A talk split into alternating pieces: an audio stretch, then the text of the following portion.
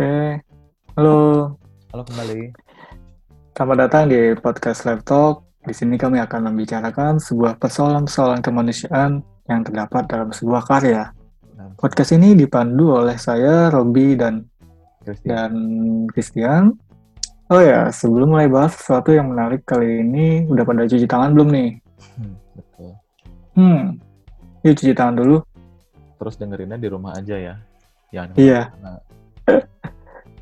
Udah, udah cuci tangan. Oke, mari kita bahas. Kali ini kita mau bahas apa nih? Loh, kok malah nanya toh? Ya, jadi Ada-ada aja. Oke, kali ini kita akan bahas film yang relate banget dengan keadaan sekarang dan uh, beberapa media, nih Mas Kris nggak tahu ya. Ini banyak banget yang nyangkut pautin sama keadaan dalam film dengan yang terjadi seperti sekarang ini yang pandemi Korea Korea. Korea. Banyak kan nonton Korea nih. Corona itu kontagion. Ya, Contagion film tahun 2011 ya. Yap. Karya Steven Soderbergh Hmm. dan apa ya? ini Apa ya? Jadi Ceritanya tuh sok-sok. apa yang terjadi di film ini itu biarpun dibikin tahun 2011 ternyata hampir banyak hal yang serupa dengan apa yang kita alami sekarang gitu kan. Iya. soalnya bagaimana eh, sebuah virus dapat menyebar terus kemudian efeknya ke kita manusia gimana bahaya mengancam sampai menyebabkan kematian terus kayak sampai society asik society atau ekonomi collapse gitu kan. Society. ya bahkan ada dialog di filmnya yang bilang kamu jangan lupa cuci Ya. tangan gitu kan terus kalau bisa jangan ke mana-mana maksudnya dialog kan ya kayak meramalkan apa yang terjadi sekarang gitu Tapi itu aku juga kemarin sih melihat video yang apa ya ah, tentang Ebola itu memang ah, persoalan virus ini memang nggak tahu ya mungkin karena virus itu kan ada bagian lemaknya ya kalau kata kalau kata penelitian mah. Hmm. Jadi memang bisa dituntasin sama cuci tangan doang sih. Tapi ya kita nggak tahu juga apakah itu memang ramalan di film itu atau gimana. Tapi memang di beberapa virus waktu aku lihat video itu memang Hmm. asal hidup kita bersih, virus itu kayak bisa menangkal gitu.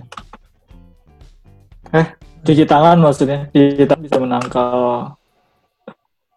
ya menangkal itu virus penyebaran virus. hmm. Ya, Tapi yang menarik lagi juga hmm, uh, tentang bagaimana keadaan masyarakat uh, menyiasati ketika bukan menyiasati bahasanya. Ya, tapi apa ya? Menyikapi menyikapi kan. Menyikapi ataupun berhadapan dengan virus Hmm. di mana penyak uh, keadaan-keadaan ketika virus itu ada terus jadi pandemi di sana juga digambarin di Amerika bisa chaos juga ternyata Iya. nggak cuma di ya hampir di semua negara Hmm. ya dan meramalkan juga sih karena beberapa hari ke belakang kita mau ada panik panic buying gitu kan Mm-mm. ya tergambar juga hmm. tergambar filmnya panic buying terus ada blogger yang istilahnya apa ya? So tau ya? Eh, bisa dibilang so tau tapi kayak apa ya kalau di sini tuh kayak buzzer yang bikin kepanikan gitu loh. Soalnya kan kadang kadang ya nggak tahu aku ngerasain di tengah kondisi wabah kayak gini mungkin ju- jualan ketakutan tuh jadi clickbait yang bakal banyak diakses orang sih. Jahatnya Mhm. sih gitu ya. Iya soalnya bikin aja artikel yang katakanlah judulnya tuh kayak persuasif banget gitu tapi agak nakutin gitu orang jadi baca ya aduh gini aduh gini disebar disebar gitu kan hmm. maksudnya orang nyebar tuh supaya orang berhati-hati tapi yang ada bukan hati-hati malah udah takut duluan Hmm. Dan sebelumnya juga kalau misal cara penyebarannya virus ini hampir mirip sama ya dibilang lamaran juga lama. Aduh banyak kata-kata yang kelamaan di rumah ya jadi banyak tipe pengen lamar orang. banyak kelamaan di rumah bawaannya pengen ngelamar orang Iya. Pokoknya mau kayak meramalkan ada sesuatu yang kayak uh, virus itu uh, pasti ada kaitannya dengan kayak binatang-binatang seperti, seperti kelelawar, babi, dan juga penyebarannya uh, juga kayak uh, pendapat seperti para aktivis alam kayak mereka bilang mungkin kita virusnya gitu Yeah. Dan ya di situ juga digambarkan kalau kata Mas Kris seperti itu yang kita diskusi awal kan subtil ya di bagian itu sebenarnya. Yeah. Ya, ya alam bekerja dengan caranya gitu ya. Nah, apa ya kayak ya, mungkin ada beberapa hal itu terdengar egois nggak sih kayak mungkin kita virusnya dan memang kita virusnya gitu. Ya nggak tahu juga sih alam punya caranya sendiri untuk memulihkan dirinya gitu ya. Iya. Dan kalau nggak salah Hindia eh, atau ya udahlah pokoknya itu musisi terkenal. India. Ya, pendapat kayak gitu kan. Hmm. Mungkin kita virusnya. Iya. Karena di satu sisi kalau dibilang kita virusnya atau bukan ya, soalnya dalam kondisi ya penuh kepanikan dan tidak pastian ini kan makin kelihatan hmm. makin kelihatan sifat orang tuh ketika dalam krisis hmm. tuh ya inilah orang tuh ada yang ya egois nimbun masker ada yang hmm. tapi ada juga yang jiwa sosial keluar saling berbagi jadi hmm. hmm. mungkin fenomena ini menunjukkan bahwa beberapa orang tuh memang jadi virus. Mungkin. Tapi beberapa ngomongin fenomena juga sepertinya memang di negara-negara barat tuh kayak punya kepanikan tersendiri. Kayak uh, di Amerika aja kan kalau di film itu gambarnya di Amerika ya. Uh, di Amerika mereka mungkin sigap tapi ketika ada positif mungkin kalau kita pandangannya orang barat maksudnya memandang orang barat kayak di Itali itu kan banyak banget ya. ya walaupun sebenarnya mereka negara maju tapi kasusnya tertinggi dibanding daerah dibanding negara asalnya di Cina. Itu um, ya termasuk ke fenomena gimana manusia itu sadar kalau ada himbauan untuk di rumah ya di rumah gitu kalau di Amerika mungkin ya terlihat di film Contagion memang mereka keluar rumah tapi ketika ketika hanya ngambil makan ya kalau nggak salah ya aku lupa beli keperluan untuk ya hmm, hal, yang, hmm. hal yang sifatnya esensial lah esensial hmm. ya. dan ini juga ya, untuk kesadaran lockdown ya kalau nggak salah di Itali itu mungkin nggak tahu ini pandangan Barat yang memang maju memang maju atau eh makin negaranya maju makin orangnya atau mungkin di daerah komunal gitu ya komunal banget. Kan kayak Italia sebenarnya kalau kita lihat memang sering kumpul. Hmm. budaya ngopinya juga lumayan kan karena kop yang kita lihat mungkin karena mereka uh, juga ah. berdekatan gitu. Hmm, hmm, hmm. Fenomena-fenomena yang menarik kalau dilihat dari sisi film di situ dan ya kebanyakan soto ini aku namanya juga opini iya, iya. Ya. tapi apalagi sih yang bisa dilihat dari uh, kontagian sebenarnya selain fenomena yang terjadi maybe kita ya. I don't know. Apa ya mungkin sebenarnya yang aku hal kecil yang aku pengen sorot di film ini itu adalah ternyata di luar negeri juga sekalipun sifatnya hanya flow orang hmm, bersin, hmm. orang bersin tuh kadang nggak nutup mulutnya gitu. Oh iya. Ternyata maksudnya kan di film ini tergambar gitu kan maksudnya Hmm, ada- ada yang nutup ada yang enggak gitu kan. Ternyata kebiasaan bersin ditutup tuh enggak enggak apa ya enggak mendunia gitu enggak jadi kebiasaan banyak orang. Jadi Hmm. jadi ketika mulai ada virus baru pada cuci tangan baru pada steril gitu kan. Baru pada pakai masker baru ditutup bersinnya. Kalau nggak ada yang mematikan kayaknya ya bersin bersin aja gitu. Santai-santai aja. padahal kan di satu sisi ini tuh kan corona nih mengajarkan kita untuk lebih hidup lebih higienis lebih steril lebih bersih gitu kan nanti setelah ini wabah selesai kira-kira kita masih gitu nggak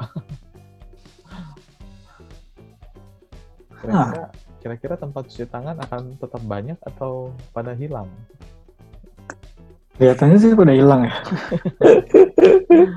iya itu kan hal Tapi terke- baru. Aha.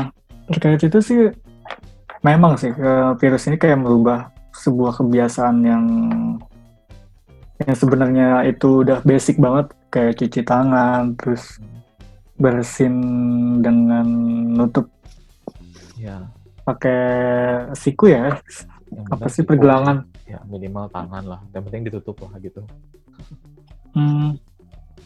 Dan sebenarnya kalau boleh jujur aku juga nggak nggak nggak nggak kalau cuci tangan aku agak jarang sebelum virus. kalau setelah pas ada virus baru rajin banget kayak cuci tangan sampai tangan kering. Iya, mungkin karena kita mungkin dari dulunya juga nggak dibiasakan sih, jadi Hmm. jadi seperti itu.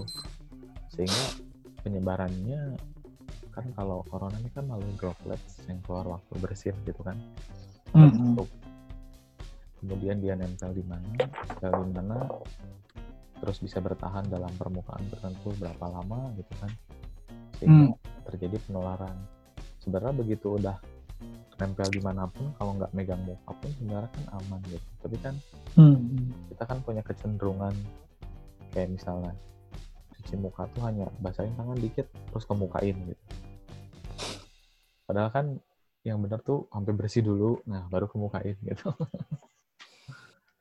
maksudnya ke- kebiasaan-kebiasaan kecil itu yang gue rasa memang harus jadi perhatian sih sehingga dari kebiasaan kecil yang katakanlah ceroboh ini nggak pernah cuci tangan jadi wabah mematikan ya dunia gitu memakan korban karena Serem, serem. eh, karena masalah kecil sebenarnya gitu kan Hmm. Masalah kecil yang ya kayak ngajarin kita suatu hal ya. Dan makhluk kecil ini makhluk yang sebenarnya sebesar atom ini benar-benar bisa merubah uh, keadaan dunia banget ya. Kayak uh, ekonomi dampaknya banyak, terus uh, politik apalagi, terus sosial budaya juga uh, film apalagi sekarang banyak. Di Korea kabarnya kemarin eh hari ini aku baca um, bioskopnya minta dana subsidi dari pemerintah karena merugi. Karena dia karena akibat corona ini kalau nggak salah datanya tiap hari cuma ada 40 penonton atau 4000 ya tumbang dampaknya banyak banget. Ternyata sebesar Korea aja ke- sampai dampak cover filmnya, khususnya ekosistem eksibisi sampai segitunya. Hmm. Dan dan banyak hal kayak kayak tadi panik buying, terus uh, kebiasaan-kebiasaan yang berubah, terus WFH apalagi, dan eh, kalau di film tuh WFH kalau nggak salah ada juga ya? Di di di, di uh, terkait terkait ramalan yang ada di film Contagion. kayaknya si blogger itu kalau nggak salah yang eh tapi dia Hmm, ya kan? Dia kan langsung mengisolasi diri gitu katanya. Hmm, hmm, hmm, jadi memang ada anjuran supaya nggak ke mana-mana. Hmm. Oh sama ada lagi yang uh, yang kita harus baut di film Contagion sebenarnya kayak kayak apa ya kayak uh, kaum kaum kalangan bawah yang ada di Cina yang nyulik peneliti hmm. itu kan akibat karena mungkin di situ akses untuk ke virus untuk bukan ke akses ke virus sih maksudnya akses ke obat itu agak agak agak gimana gitu ya. Dan itu kan juga terkait dengan bagaimana pemerintah atau orang-orang yang bisa membantu harusnya bisa membantu juga kepada orang-orang yang belum nggak punya akses. Kayak sekarang aja kan banyak uh, orang yang nggak bisa akses uh, informasi virus gitu ya. Hmm. kayak gimana bisa WFH atau lockdown atau ya atau ya seenggaknya di sini misal di kasusnya pemerintah Indonesia gimana gimana bisa ambil keputusan lockdown kalau cuma himbauan-himbauan tapi nggak ada sesuatu yang bisa nenangin masyarakat gitu? Dan mungkin kasus yang di film yang gimana uh, kelompok yang mungkin ini dibilang teror. Teroris mungkin terlalu kasar. Apa ya bilangnya? Pokoknya orang-orang di sana yang orang-orang kumpul sekumpulan community ini gimana bisa nyulik mungkin terkait dengan aksesnya yang kurang kali ya atau atau Mas Kris punya pandangan lain terkait yang penculikan peneliti untuk mengambil obat? Um, ya, waktu si dia di, berkunjung terus diculik supaya ngasih obat ya. Spoiler, mm -hmm. ya udahlah. Gak apa-apa, kita kita spoilerin aja. ya, gak apa-apa sih, harusnya spoilernya bikin malah jadi pengen lihat sih. Ya, jadi, aduh batuk nih. Tuh, Besok ada pikobar. Periksa. Ya, jadi kalau soal itu mungkin kita fokus terhadap jadinya kayak ego kali ya. Mm -hmm. ketika uh, krisis memang jadi orang tuh berfokus saya pengen selamat gitu. Saya pengen selamat, saya nggak mau tertular gitu. Dan dan aku rasa sih mentalitas seperti itu tuh mungkin panik sih mungkin ketika orang panik semuanya juga pasti begitu gitu tapi kan hmm. masalahnya ini tuh kan menyangkut hidup orang banyak keberlangsungan hidup udah gitu eh, apa namanya ya dua hal itu sih kurang lebih lah kurang lebih dua hal itu. Jadi hmm. ketika ada orang seperti itu ya pasti panik. Itu pasti respon panik paling pertama sih. Rasa takut akan ya kematian mungkin kemudian rasa takut kehilangan apa segala macam gitu kan. Tapi kan hmm. dalam film tuh nggak cuma ternyata memang bukan dia takut terhadap kematian bukan dia sendiri yang takut mati tapi kampungnya gitu kan keluarga keluarganya di sana gitu kan ada orang-orang yang kayaknya kalau mereka nggak ditolong segera mereka mati duluan dibanding yang lain. Orang-orang mungkin bertahan yang yang yang ini mungkin enggak gitu. Ada satu kebutuhan untuk yaitu me, me, apa namanya? Me, bukan menuntaskan memenuhi apa ya? Supaya rasa panik itu hilang gitu karena pasti hmm. respons panik paling utama seperti itu gitu kan kalau di sini hmm, hmm, kalau di sini mungkin kejadian serupa adalah ketika bukan soal culik menculik ya kalau di sini ketika tes kit yang udah ada mau dicoba ke DPR dulu gitu kan. Hmm. Wah, gitu. Maksudnya gini loh. ya kalau DPR udah selamat, kitanya nggak selamat, terus mau ngapain sih gitu? kan perwakilan rakyat, Pak. Eh, iya. kan, kalau perwakilan, mereka mewakilkan untuk dites, nah ya nggak gitu juga gitu. kan nggak gitu juga Terus mungkin yang kasusnya mirip-mirip di sini adalah yang di Sulawesi dan di Aceh. Yang mm -hmm. yang ketika sudah dikubur mereka bongkar lagi. Oh. Itu itu memang bukan soal pengen sembuh duluan, tapi kan ada satu keinginan yang mereka buat mereka tuh harus dilakukan gitu. Mm -hmm. Tanpa memikirkan resiko jangka panjang. pasti ada kepanikan dan ketakutan sih di situ aku rasa ya Hmm. jadi memang itu tuh respon yang natural mungkin tapi Ah. Tapi jadinya nggak berpikir panjang gitu Hmm. karena tuh kalau udah membesar damage-nya sudah besar kan memang mau nggak mau ada yang harus dikorbankan Hmm. atau mungkin Dan juga- satu lagi atau Apa mungkin, tuh? atau mungkin juga nggak tahu untuk sebagian orang mungkin ada yang ngalamin hal seperti ini Eh, kita kan disaranin nggak ke mana-mana tuh tinggal di rumah Hmm.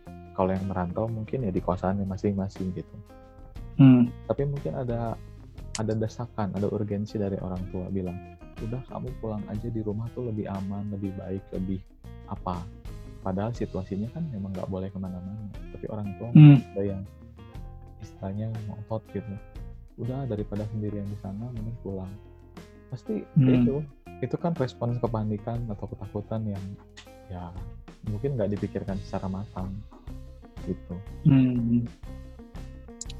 Jadi Eh, soal Wah. ya. Hmm. soal ketakutan itu juga kayak terjadi di saat em, di film ini kan kayak ada ada ada ada orang yang masuk ke dalam rumah dengan senjata dan tanpa dan Matt Damon tuh kan kalau nggak salah ngecek rumah itu hmm, karena masuk uh, hmm, kayaknya itu juga termasuk ketakutan gimana uh, orang itu lapar gitu ya.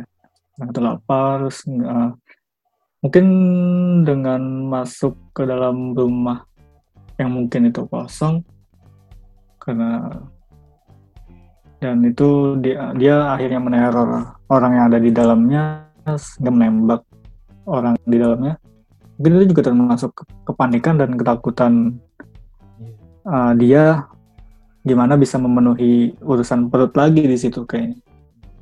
Karena kan virus ini juga agak riskan untuk bisa menghidupi bukan menghidupi, mengenyangkan perut juga kan kalau salah jika jika tidak ada inisiatif dari mungkin dari atas atau dari ke dari sosial sekelilingnya gitu kan. Kalau di Indonesia kan mungkin uh, sosialnya masih kuat. Kalau di Amerika digambarin di dalam film itu kayak orang-orang udah udah udah udah nggak peduli masing-masing gitu ya maksudnya peduli peduli diri sendiri tapi nggak peduli lingkungannya sehingga ada ada orang yang sampai membunuh orang lain untuk dapat makanan gitu. Itu kan termasuk dalam permasalahan perut yang orang-orang sampai paniknya atau ketakutannya untuk mengenyangkan diri sehingga uh, bunuh orang di dalam situ. Jadi memang di satu sisi dalam kondisi seperti itu tuh kita nggak bisa langsung bilang orang tuh kok nggak mikir panjang kok dia bodoh sekali apa. Di satu sisi Hmm, kita semua yakin deh kalau ngalamin panik pasti ngaco deh. Iya betul. bahkan ada yang fear maksudnya sampai frozen sampai nggak bisa gerak gitu kan saking takutnya. Ada juga yang jadi eh, apa namanya impulsif gitu kan. Tapi ya pasti macam-macam jadi sebenarnya di satu sisi nggak bisa disalahkan juga. Toh informasi penyebaran tentang corona juga kan nggak bisa dipahami setiap golongan dengan bahasa yang sama toh. Hmm, hmm, kita sebut social distancing kita sebut work from home belum tentu orang orang di bawah tuh ngerti gitu. Apa sih work from home tuh apa gitu? Social distancing tuh gimana gitu? Udah ada sosialisasi lagi kan? iya. Kenapa pemerintah tuh menggunakan bahasa asing yang kayaknya nggak semua orang tuh bisa paham gitu? Aku bingung gitu Hmm, hmm. soalnya Lalu apa lagi nih ketika ya, ya sok sok soal dikit lagi berantem berantem. ya maksudnya soalnya kalau mereka nggak ngerti terus mereka bertindak salah yang salah kan bukan Mhm. mereka gitu kan harusnya gitu kalau ada murid Tapi gimana gimana komunikasi publik ya? iya kalau ada murid salah bertindak coba tanyain gurunya ngajarin udah bener belum kan harusnya gitu Hmm, hmm. kalau misalnya gurunya mungkin udah benar muridnya masih nggak ngerti nah mungkin salahnya si murid kan begitu Ah betul. penyebaran informasinya ya justru yang kemarin aku rada cukup kagum dan apa ya istilahnya ya kagum sih dengan yang dilakukan oleh AA Jin. Hmm, yang ke Lembang itu ya? Ya, Ke dia, kampung-kampung ya? dia ke kampung-kampung pakai toa dia jalan samperin deket-deket ke orang di rumah bilang ada virus corona kita harus jaga jarak bahasanya sederhana gitu yang penting bisa dimengerti gitu dan aku pikir ini salah satu contoh yang baik bagaimana muka agama itu bisa ngasih pedoman atau ngasih informasi dengan ya istilahnya apa ya reputasinya gitu keren banget itu Hmm. Nggak banyak rasanya nggak melakukan hal seperti itu gitu Nggak banyak, nggak banyak. Hmm. Dia memang tepat sasaran karena kan Indonesia dengan agamis mayoritas yang kuat ya nggak nggak maksud tuh nggak nggak nggak Islam aja sih maksudnya agama lain juga eh, dengan orang-orang yang agamanya kuat ya pendekatannya dengan tokoh-tokoh agama lagi sih sebenarnya paling tepat. Dan terbukti ketika MUI uh, ngeluarin fatwa orang-orang juga, juga langsung ikutan. Karena di dalam Islam kan uh, ulama tuh kayak sebagai pewarisnya Nabi. Kalau misalnya bicara-bicara tentang agama bukan pewaris Nabi ibaratnya orang yang bisa ngasih pendapat dan punya ilmunya. Uh, dan yang dipercayai sama garda garda paling depan yang dipercaya sama umat kalau di agama Islam ya itu ulama itu kalau misal dia nggak ada ilmunya ya dia orang-orang yang awam pasti percayanya hanya pada ulama, ustadz atau ya yang orang-orang yang tokoh-tokoh masyarakat yang dekat sama masyarakat biasanya. Kalau di Kristen mungkin sama pendeta atau pastor yang bisa bilang ke umatnya kalau Buddha sama Hindu pendeta ya kalau salah atau lupa tuh pokoknya tokoh-tokoh agama yang yang punya reputasi atau pengaruh pasti pak paling yang didengerin sama sama orang-orang Indonesia yang Hmm. yang seenggaknya yang ada di akar rumput biasanya yang dengar-dengar omongan orang besar biasanya untuk untuk bisa percaya bahwa negara negara Indonesia itu kena wabah loh. Uh, jadi kayak ada komunikasi publik yang pendekatannya itu apa ya? Saya pokoknya hmm, hmm, pendekatannya kayak persuasif. Pendekatannya pendekatannya ke komunikasinya juga ya bagus gitu. Iya. Aku bingung sama bahasanya. maksudnya itu tuh sangat aku sendiri memandangnya itu sangat harus harus sangat diapresiasi karena ya maaf maaf kata nih aku belum lihat agama lain melakukan hal yang serupa gitu itu aja yang aku sayangkan istilahnya gitu ya tapi kembali ke soal yang tadi soal apa namanya respon panik dan bagaimana orang-orang tuh nggak berpikir panjang karena wabah. Di satu sisi ini juga harus diingat bahwa Indonesia kan negaranya bukan negara maju seperti Italia atau Cina. Tapi Indonesia Hmm. kan kehitungnya masih negara berkembang. Artinya kalau negara berkembang, menengah ke bawahnya lebih banyak dibandingkan menengah ke atasnya. Nah, ketika menengah ke bawahnya banyak, artinya kita kembali lagi ke permasalahan hak istimewa.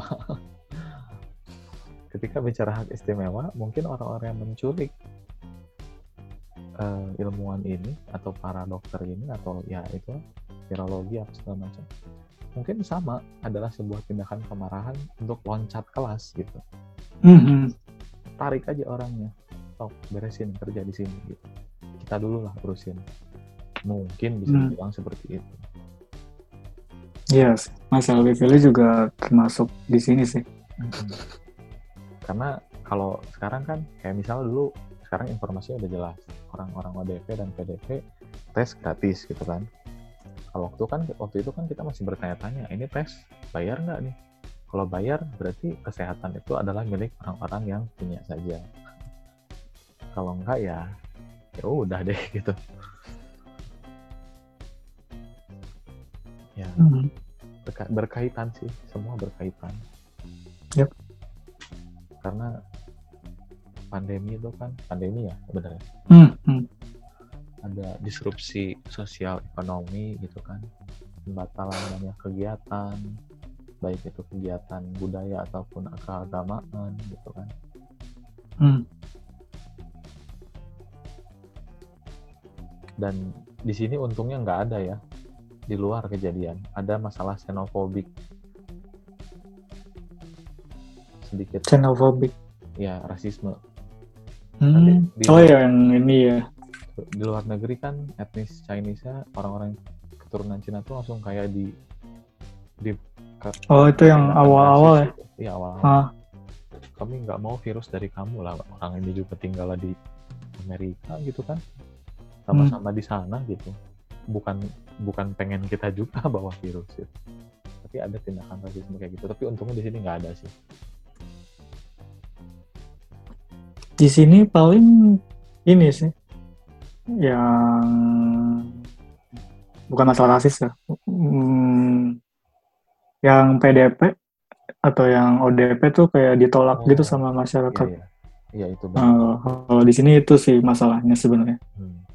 Kayak itu, wah itu baca beritanya, at- maksud ketika baca tweet kayak gitu, aduh, ini manusia kenapa lagi masuk Indonesia? ya Cuma, Hmm. padahal kan orang yang ODP atau PDP kan ya kasih aja, maka apa? Kita sama jaga bareng-bareng kayak kasih makan terus atau apa atau apa, sehingga kan karantinanya lancar dan nggak sampai nular mewabah di kampung itu atau di daerah itu statusnya.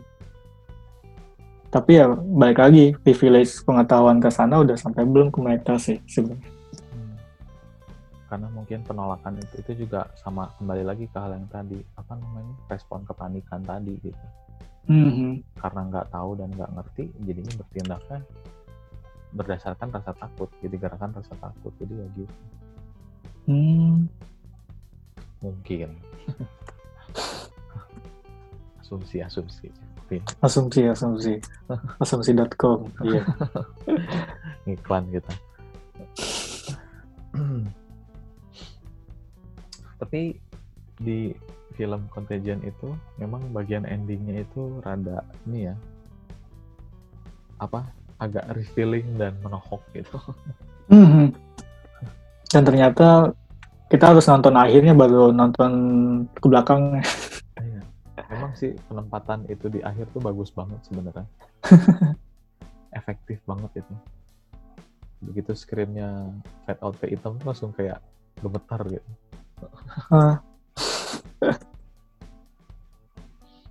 Dan si traktor yang nebang pohonnya itu adalah punya logo perusahaan yang sama dengan perempuan utamanya. Oh iya, Iya, wah aku kurang detail. jadi perusahaan dia sendiri sebetulnya. Yang bikin pandemi apa sih? Biasanya MEF ya, MFV gitu. MFV ya, apa sih lupa namanya MFV apa gitu. Gokil juga berarti kayak hmm, karma. bisa jadi MFV ya MFV kalau nggak salah Ah, tapi MFV itu di film memang mematikan banget ya untungnya di sini tuh mhm. kabar baiknya adalah yang sembuh juga banyak sih Hmm. Tapi di sana juga bikin vaksin juga kan, walaupun Mm-mm. uh, agak lama gitu penelitiannya, Iya, kalau nggak salah.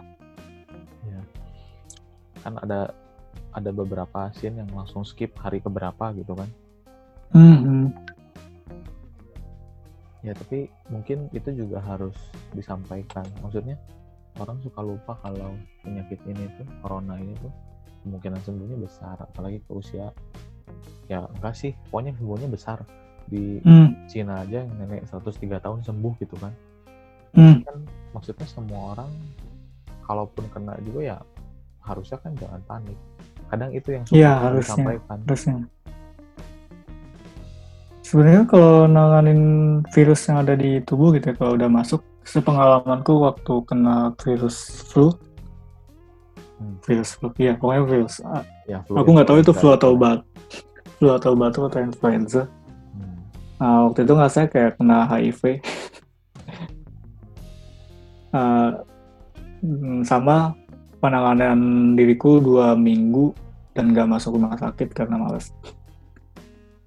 Ya itu istirahat aja sebenarnya, istirahat, minum obat, makan buah. Awal- kalau nggak mau minum vitamin makan buah, terus minum obatnya obat flu atau film-film apa, film-film. obat-obat apa, obat-obat flu yang ampuh. Kayak ibuprofen sebenarnya ampuh buat pil- pilek walaupun agak mahal. itu sih sebenarnya uh, penanganan virus tuh uh, kayak apa ya virus tuh sebenarnya kayak kita lockdown hmm, tapi sisi do, domestik gitu domestiknya maksudnya tubuh jadi kalau mau kalau pas kalau mau pas kenal virus ya itu sebenarnya Kalau kalau mau sembuh ya iya. lockdown diri sendiri sebenarnya kayak nggak usah panik ketika ketika sakit ya udah jalanin dulu jalanin aja Hmm. uh, istirahat yang cukup tidur yang cukup 8 jam atau 9 jam terus minum obat makan buah banyak minum. banyak minum banyak makan sembuh sih sebenarnya uh, ngadepin virus kayak gitu sebenarnya Berjemur pagi eh jam 10 siang. aku nggak berjemur sih waktu sakit soalnya bulan Ramadan pak Oh. 10 menit aja berjemur kan. kan itu meningkatkan imun itu.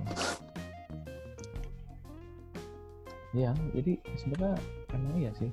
Kan selalu disarankan kalau imun kita kuat, pasti ya virus itu juga kalah dengan sendirinya. Maksudnya Mhm, betul betul kalau kitanya lebih kuat ya virus itu juga nggak jadi masalah. Dan eh, rata-rata memang hampir semua penyakit pun selalu dimulai dengan pikiran kan gitu. Mhm. Kalau kitanya positif, maksudnya nggak takut atau panik, ya nggak stres lah gitu. Pasti tubuh kita juga bisa lebih menerima semangat itu. Hmm. Kalau di eh, Kristen tuh ada ayat bilang hati yang gembira adalah obat. Harusnya itu berlaku Oh. buat buat buat di mana pun sih aku rasa. Hati yang gembira adalah obat, tetapi semangat yang patah mengeringkan tulangnya. Aku rasa itu relevan buat orang-orang yang kalau lagi sakit sih. Yang penting semangat aja. Dan Iya, semangat aja jalanin hidup. iya, sekalipun di rumah aja ya. Itu anak rubahan. kalau udah terbiasa di rumah sih nggak masalah kalau yang nggak biasa mungkin mulai gelisah nih hari ke empat kelima Tapi kalau yang part time part time itu udah ini agak out ya dibanding pembahasan tentang gen. Temenku cewek sih. Eh, dia memang kerjanya part time atau free- freelancer sih bukan part time. Eh, dia lebih sen kerja di rumah seneng sih dan alasannya kok nggak nggak bosan karena kata dia cewek kan memang harusnya di rumah. Wow. ya kayak berdasarkan Islam banget sih. Lu diem aja sih pas ngomong pas dia bilang gitu. Iya iya. Oke. karena ya itu takutnya karena aku lagi PDKT sama dia takutnya oh curhat. orangnya denger lontar ya gitulah pokoknya. ah Jadi sebenarnya ada beberapa orang yang pas di rumah ya biasa-biasa aja. Karena mungkin freelancer dan freelancer kan di rumah juga dapat duit. iya, termasuk saya Hmm, oh, ya maksudnya kemarin waktu freelancing kan gitu di rumah gitu cuma di rumah tuh adalah godaan terbesar tuh dengan ranjang tuh dengan kasur dekat jadi dikit-dikit Bener. aja males gitu. betul sih. itu yang contagious banget tuh itu rebahan Contagious. menular itu rebahan tuh Oh, menularkan malas. Ya, jadi ya, jadi itulah ya. kurang lebih kok bareng. Mas Chris, Hah, apanya? penutupan. Penutupan. eh satu lagi mungkin sebelum ditutup Mhm. eh, seperti yang apa yang sudah disampaikan di film Contagion. Kita juga mungkin harus lebih berkawan dengan alam ke depannya sih. Mhm. Kita jangan merusak ekosistem binatang-binatang yang pada habitatnya memang sudah di situ gitu. Kalaupun Mhm. kita harus pakai lahan mereka, kita gunakan dengan nggak merusak ya sebisa mungkin begitu. Betul, karena ya itu tadi jangan sampai kita dibilang manusia adalah virusnya. Yap. Aku jadi keingetan waktu itu di Kumparan atau di mana ya berita ya. Katanya waktu pembangunan tol di Kalimantan gitu, Mhm. a- ada harimau turun ke jalan tol. Mungkin Oh, mungkin headline-nya harus diganti bahwa sebenarnya itu tuh habitat dia dan kita telah memakainya Hmm. tanpa izin gitu kan. Aku rasa gitu. jadi apa? Karena kita hewannya. Maksudnya kalau lihat di mana ya? Aku lupa di negara mana. Tol tuh nggak dibikin di atas jalan. Maksudnya dibikin agak naik jembatan gitu supaya hutan-hutan di bawahnya tetap aman gitu. Aku rasa kalau kayak gitu kan win-win ya. Alamnya nggak rusak, kitanya masih bisa pakai jembatan buat tol gitu kan. Lupa sih di negara mana, tapi ada yang kayak gitu. Hmm, Ya mungkin biayanya lebih mahal ya, cuma ya demi keseimbangan ekosistem. Ini kritik buat pemerintah nih asik. ya itulah, hmm.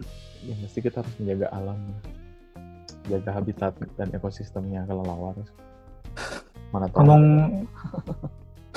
ngomong kayak jaga habitat kan kalau salah Pontianak yang mau jadiin ibu kota. uh, ibu kota ya. Iya.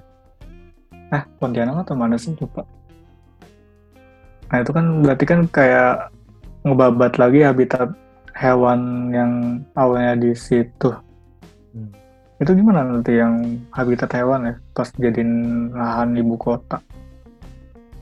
Akan terjadi sesuatu hal yang lagi. iya. Udah mas makin panas kita kan, hutan Mhm. semakin sedikit.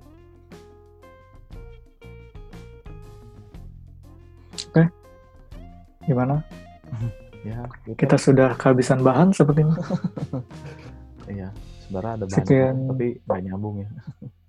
Jadi sekian dulu aja lah ya. Ya. Dan jangan lupa untuk teman-teman pendengar yang dengerin ini tetap jaga kesehatan di rumah. Dan mungkin Mas Chris ada kata-kata lagi. Ya, tetaplah positif dan semangat walaupun ada gejala-gejala. Kalau ada gejala-gejala, segera periksakan. Jangan panik. Yang penting tetap semangat sih. Bye. Ya, terima kasih. Have a nice day. Iya, selamat menikmati hari-harinya di rumah. Yo.